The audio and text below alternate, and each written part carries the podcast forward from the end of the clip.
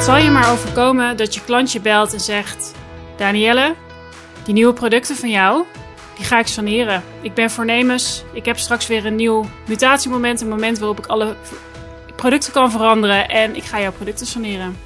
Of dat je te horen krijgt. Nou, er moet wel een heel goed bericht komen. Wil ik ze nog de kans geven? Ik moet zeggen, ik heb dit soort berichten in mijn carrière niet heel vaak gehad in de zin dat ze verrassend waren, omdat je er gewoon een aantal dingen aan kan doen waardoor dit geen verrassing kan zijn. Dus in deze podcastaflevering ga ik je meenemen in: oké, als dit jou overkomt, wat kan je dan doen? Maar ook hoe kan je dit nou voorkomen?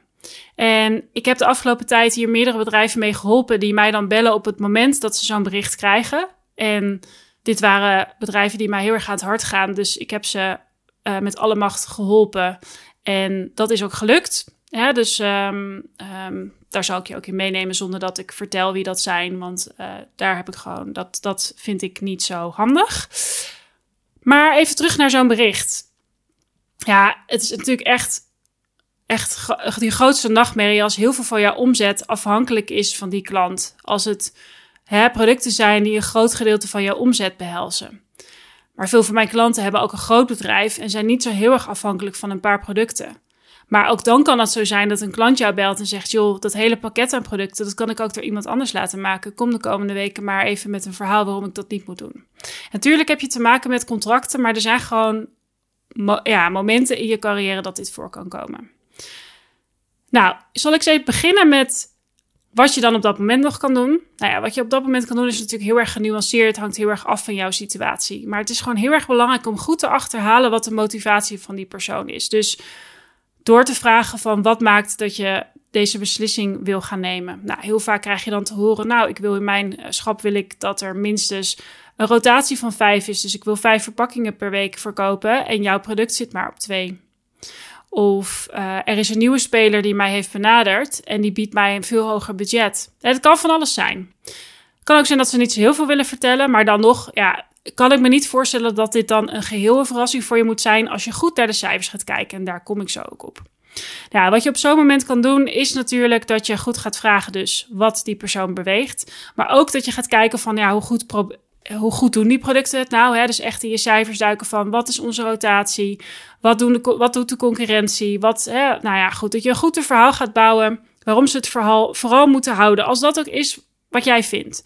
Want wat ik wel echt heel erg belangrijk vind, is als jij echt ja, dat rete ambitieuze bedrijf bent die zegt: Ik wil gewoon de nieuwe Oatly zijn. Sterker nog, ik wil gewoon een nieuwe Friesland Campina zijn, maar dan met plantaardige producten voor mijn part. Dan heb je dit te weten. Dan heb je te weten hoe jouw producten presteren. Wat de norm is in de categorie. Dus wat de gemiddelde rotatie is die je moet halen. Wat er speelt. Dus als je met mij werkt, wil ik dat dit geen verrassing voor je is. Maar in ieder geval, het kan zijn dat je nu nog niet met mij werkt en dat je die data niet hebt of dat je team heel erg druk is. Er kan van alles zijn. Wat dus heel erg belangrijk is, is dat je dan op zo'n moment natuurlijk een plan de campagne gaat maken en dingen gaat laten vallen. Dus juist de prioriteiten stelt.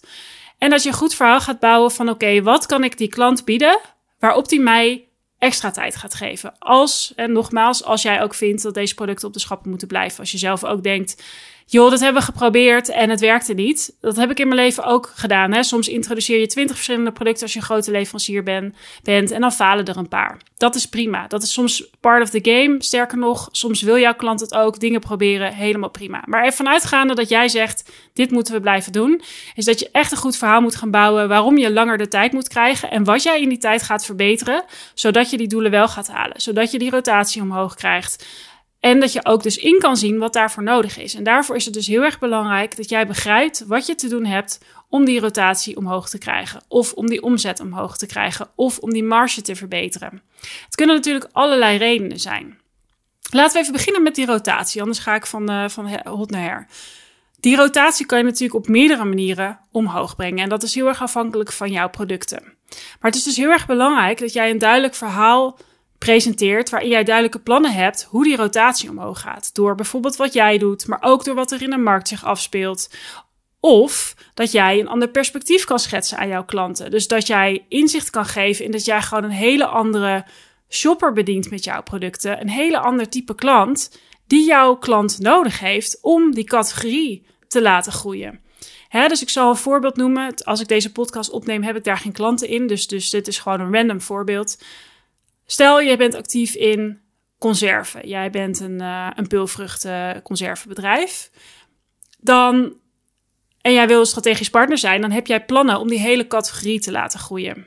En in die categorie zijn bepaalde uitdagingen. Bijvoorbeeld dat de jonge shoppers niet worden aangetrokken. Dat het voornamelijk ouderen zijn die in die categorie kopen. Dus als jij met jouw producten echt een nieuw type klant aantrekt, maar dat ook een wat langere adem nodig heeft, dan heb je dat te vertellen in je verhaal. Dus het is gewoon heel erg belangrijk om goed na te denken over: oké, hoe kan ik die andere persoon helpen om de doelstellingen te behalen die zij hebben? Dus Vaak is dat omzet, vaak is dat het aandeel wat ze hebben. Maar het kunnen ook andere dingen zijn. Kunnen ook op het gebied van maatschappelijk verantwoord ondernemen zijn. Kan van alles zijn. Maar dat je echt nadenkt van oké, hoe kan ik nou weer terug naar wat wij toevoegen aan die hele categorie? Want dat is ook wat jouw counterpart wil weten.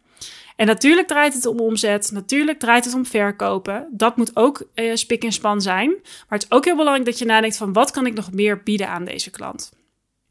Nou, stel dat, uh, dat jouw producten veel te veel derving hebben, dus dat je veel te veel producten moet weggooien. Ook daar kunnen we dan kijken, wat kunnen we doen om die derving te reduceren? En daar heb ik altijd, nou, daar heb ik uh, meerdere ideeën over hoe je dat kan doen. Nou ja, dan kan het zijn dat je iets moet doen wat jouw geld kost. Maar dan is de vraag, wat, wat kost het je als uh, Albert Heijn of Jumbo zegt... ik haal alles van de schappen af. Wat kost jou dat? Of kan je slimme dingen doen waardoor je op een ander vlak geld kan besparen? Dus ja, echt gaan uitpellen van oké, wat speelt hier nou echt? Waar komt dit nou door? En ook wat kunnen we doen om dit nou te verbeteren? En ja, het is gewoon heel erg belangrijk dat je scenario's gaat bedenken. Dus wat nou als we naar minder winkels gaan en zo wat tijd kunnen kopen? Uh, of als we beter met elkaar gaan communiceren. Want dit zie ik ook vaak gebeuren dat dan had ik een tijd geleden, dan uh, werd ik dus ook gebeld. En toen zag ik dus dat de cijfers waar naar werd gekeken binnen het bedrijf, niet de cijfers zijn waar je naar moet kijken om te kijken hoe goed je het doet. Dus als jij bijvoorbeeld in weinig winkels ligt met jouw nieuwe producten, dan is het niet verstandig om altijd te kijken naar de verkopen per winkel. Omdat jij gemiddeld in grote winkels ligt. Dus daar moet je ook rekening mee houden. En tuurlijk is het een kunst om um, ja, je, je cijfers zo te, te presenteren. Uh, dat de ander ook denkt: jeetje, je zit heel veel potentie in. Uh, maar je moet nooit. Ik zeg ook niet dat hier werd gelogen, absoluut niet. Maar het is wel ver, verstandig dat je realistisch bent en niet naar de te ambitieuze cijfers gaat kijken. En dat je dan vervolgens niet goed geno genoeg presteert. Dus het is wel heel erg belangrijk om daar heldere afspraken over te maken. Dus ook de vraag te stellen: met welke rotatie ben jij wel tevreden? Of met welke omzet ben jij wel tevreden? En dan ook voor jezelf te bedenken waarvan jij vindt dat ze tevreden moeten zijn. Want ook daar zit een duidelijke nuance. Want je zal tegenkomen dat mensen zeggen: ja, je moet gewoon gemiddeld vijf per week per winkel van jouw product verkopen. Alleen jij kan in de cijfers zien uh, dat, dat bijna niemand dat haalt, bij wijze van. Hè? Dus, dus ook belangrijk om daarin realistische verwachtingen te scheppen. En ook na te gaan denken van oké, als we dan langer de tijd kopen, hoe kunnen wij dan zorgen dat we niet uh, ja, tien weken voordat er weer allemaal dingen kunnen veranderen in het schap, verrast worden. Omdat ze dan weer naar de cijfers gaan kijken. Nou, over het algemeen is dat iets langer van tevoren. Maar dat we gewoon continu hier focus op hebben. En dat is ook mijn punt waar ik naartoe wil. Je kan dit voorkomen. Je kan dit voorkomen.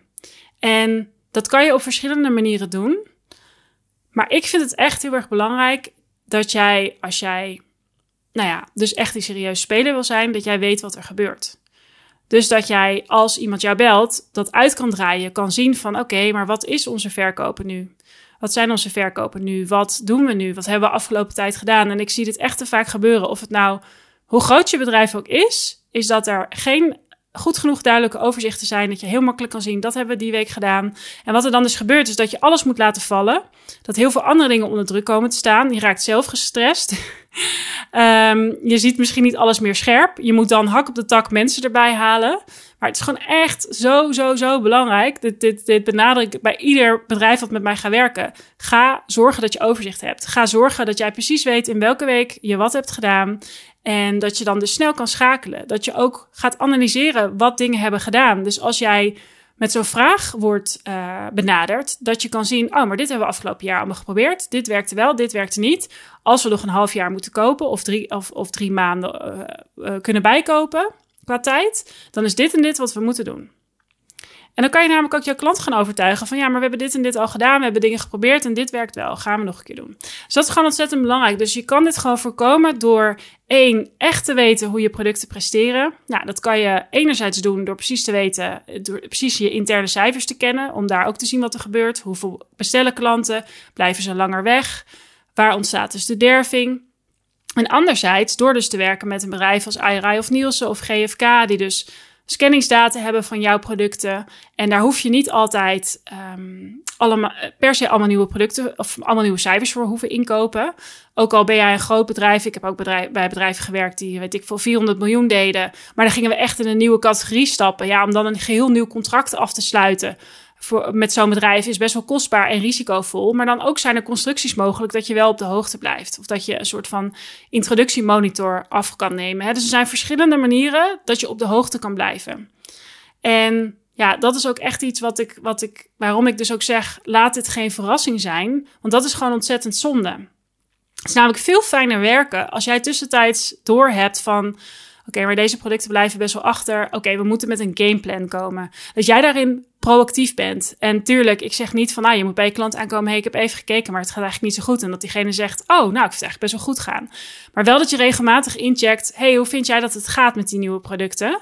En um, hè, dus, dus dat ben ik ook met dat bedrijf gaan doen, uh, die ik een tijdje geleden hiermee geholpen heb. Dat ik zei, we gaan nu een introductiemonitor afnemen, zodat we de komende weken precies weten dat wat we doen, wat dat voor effect heeft. En dat we regelmatig bij die klant kunnen inchecken van, hey, wij zien dit gebeuren. Wat vinden jullie ervan? Ja, nee, wij zijn heel tevreden. Of, nou, dit product blijft inderdaad achter. En dat je al een gameplan kan gaan bedenken van, oké, deze smaak die blijft achter. We moeten nu prioriteit gaan geven aan, aan, productontwikkeling, aan een nieuwe smaak, zodat we die proactief kunnen vervangen en dat we niet straks horen, ja, uh, het is uit de schappen gehaald. Dus bij dit bedrijf ook. Uiteindelijk is het zo gegaan dat we die schappositie hebben kunnen behouden.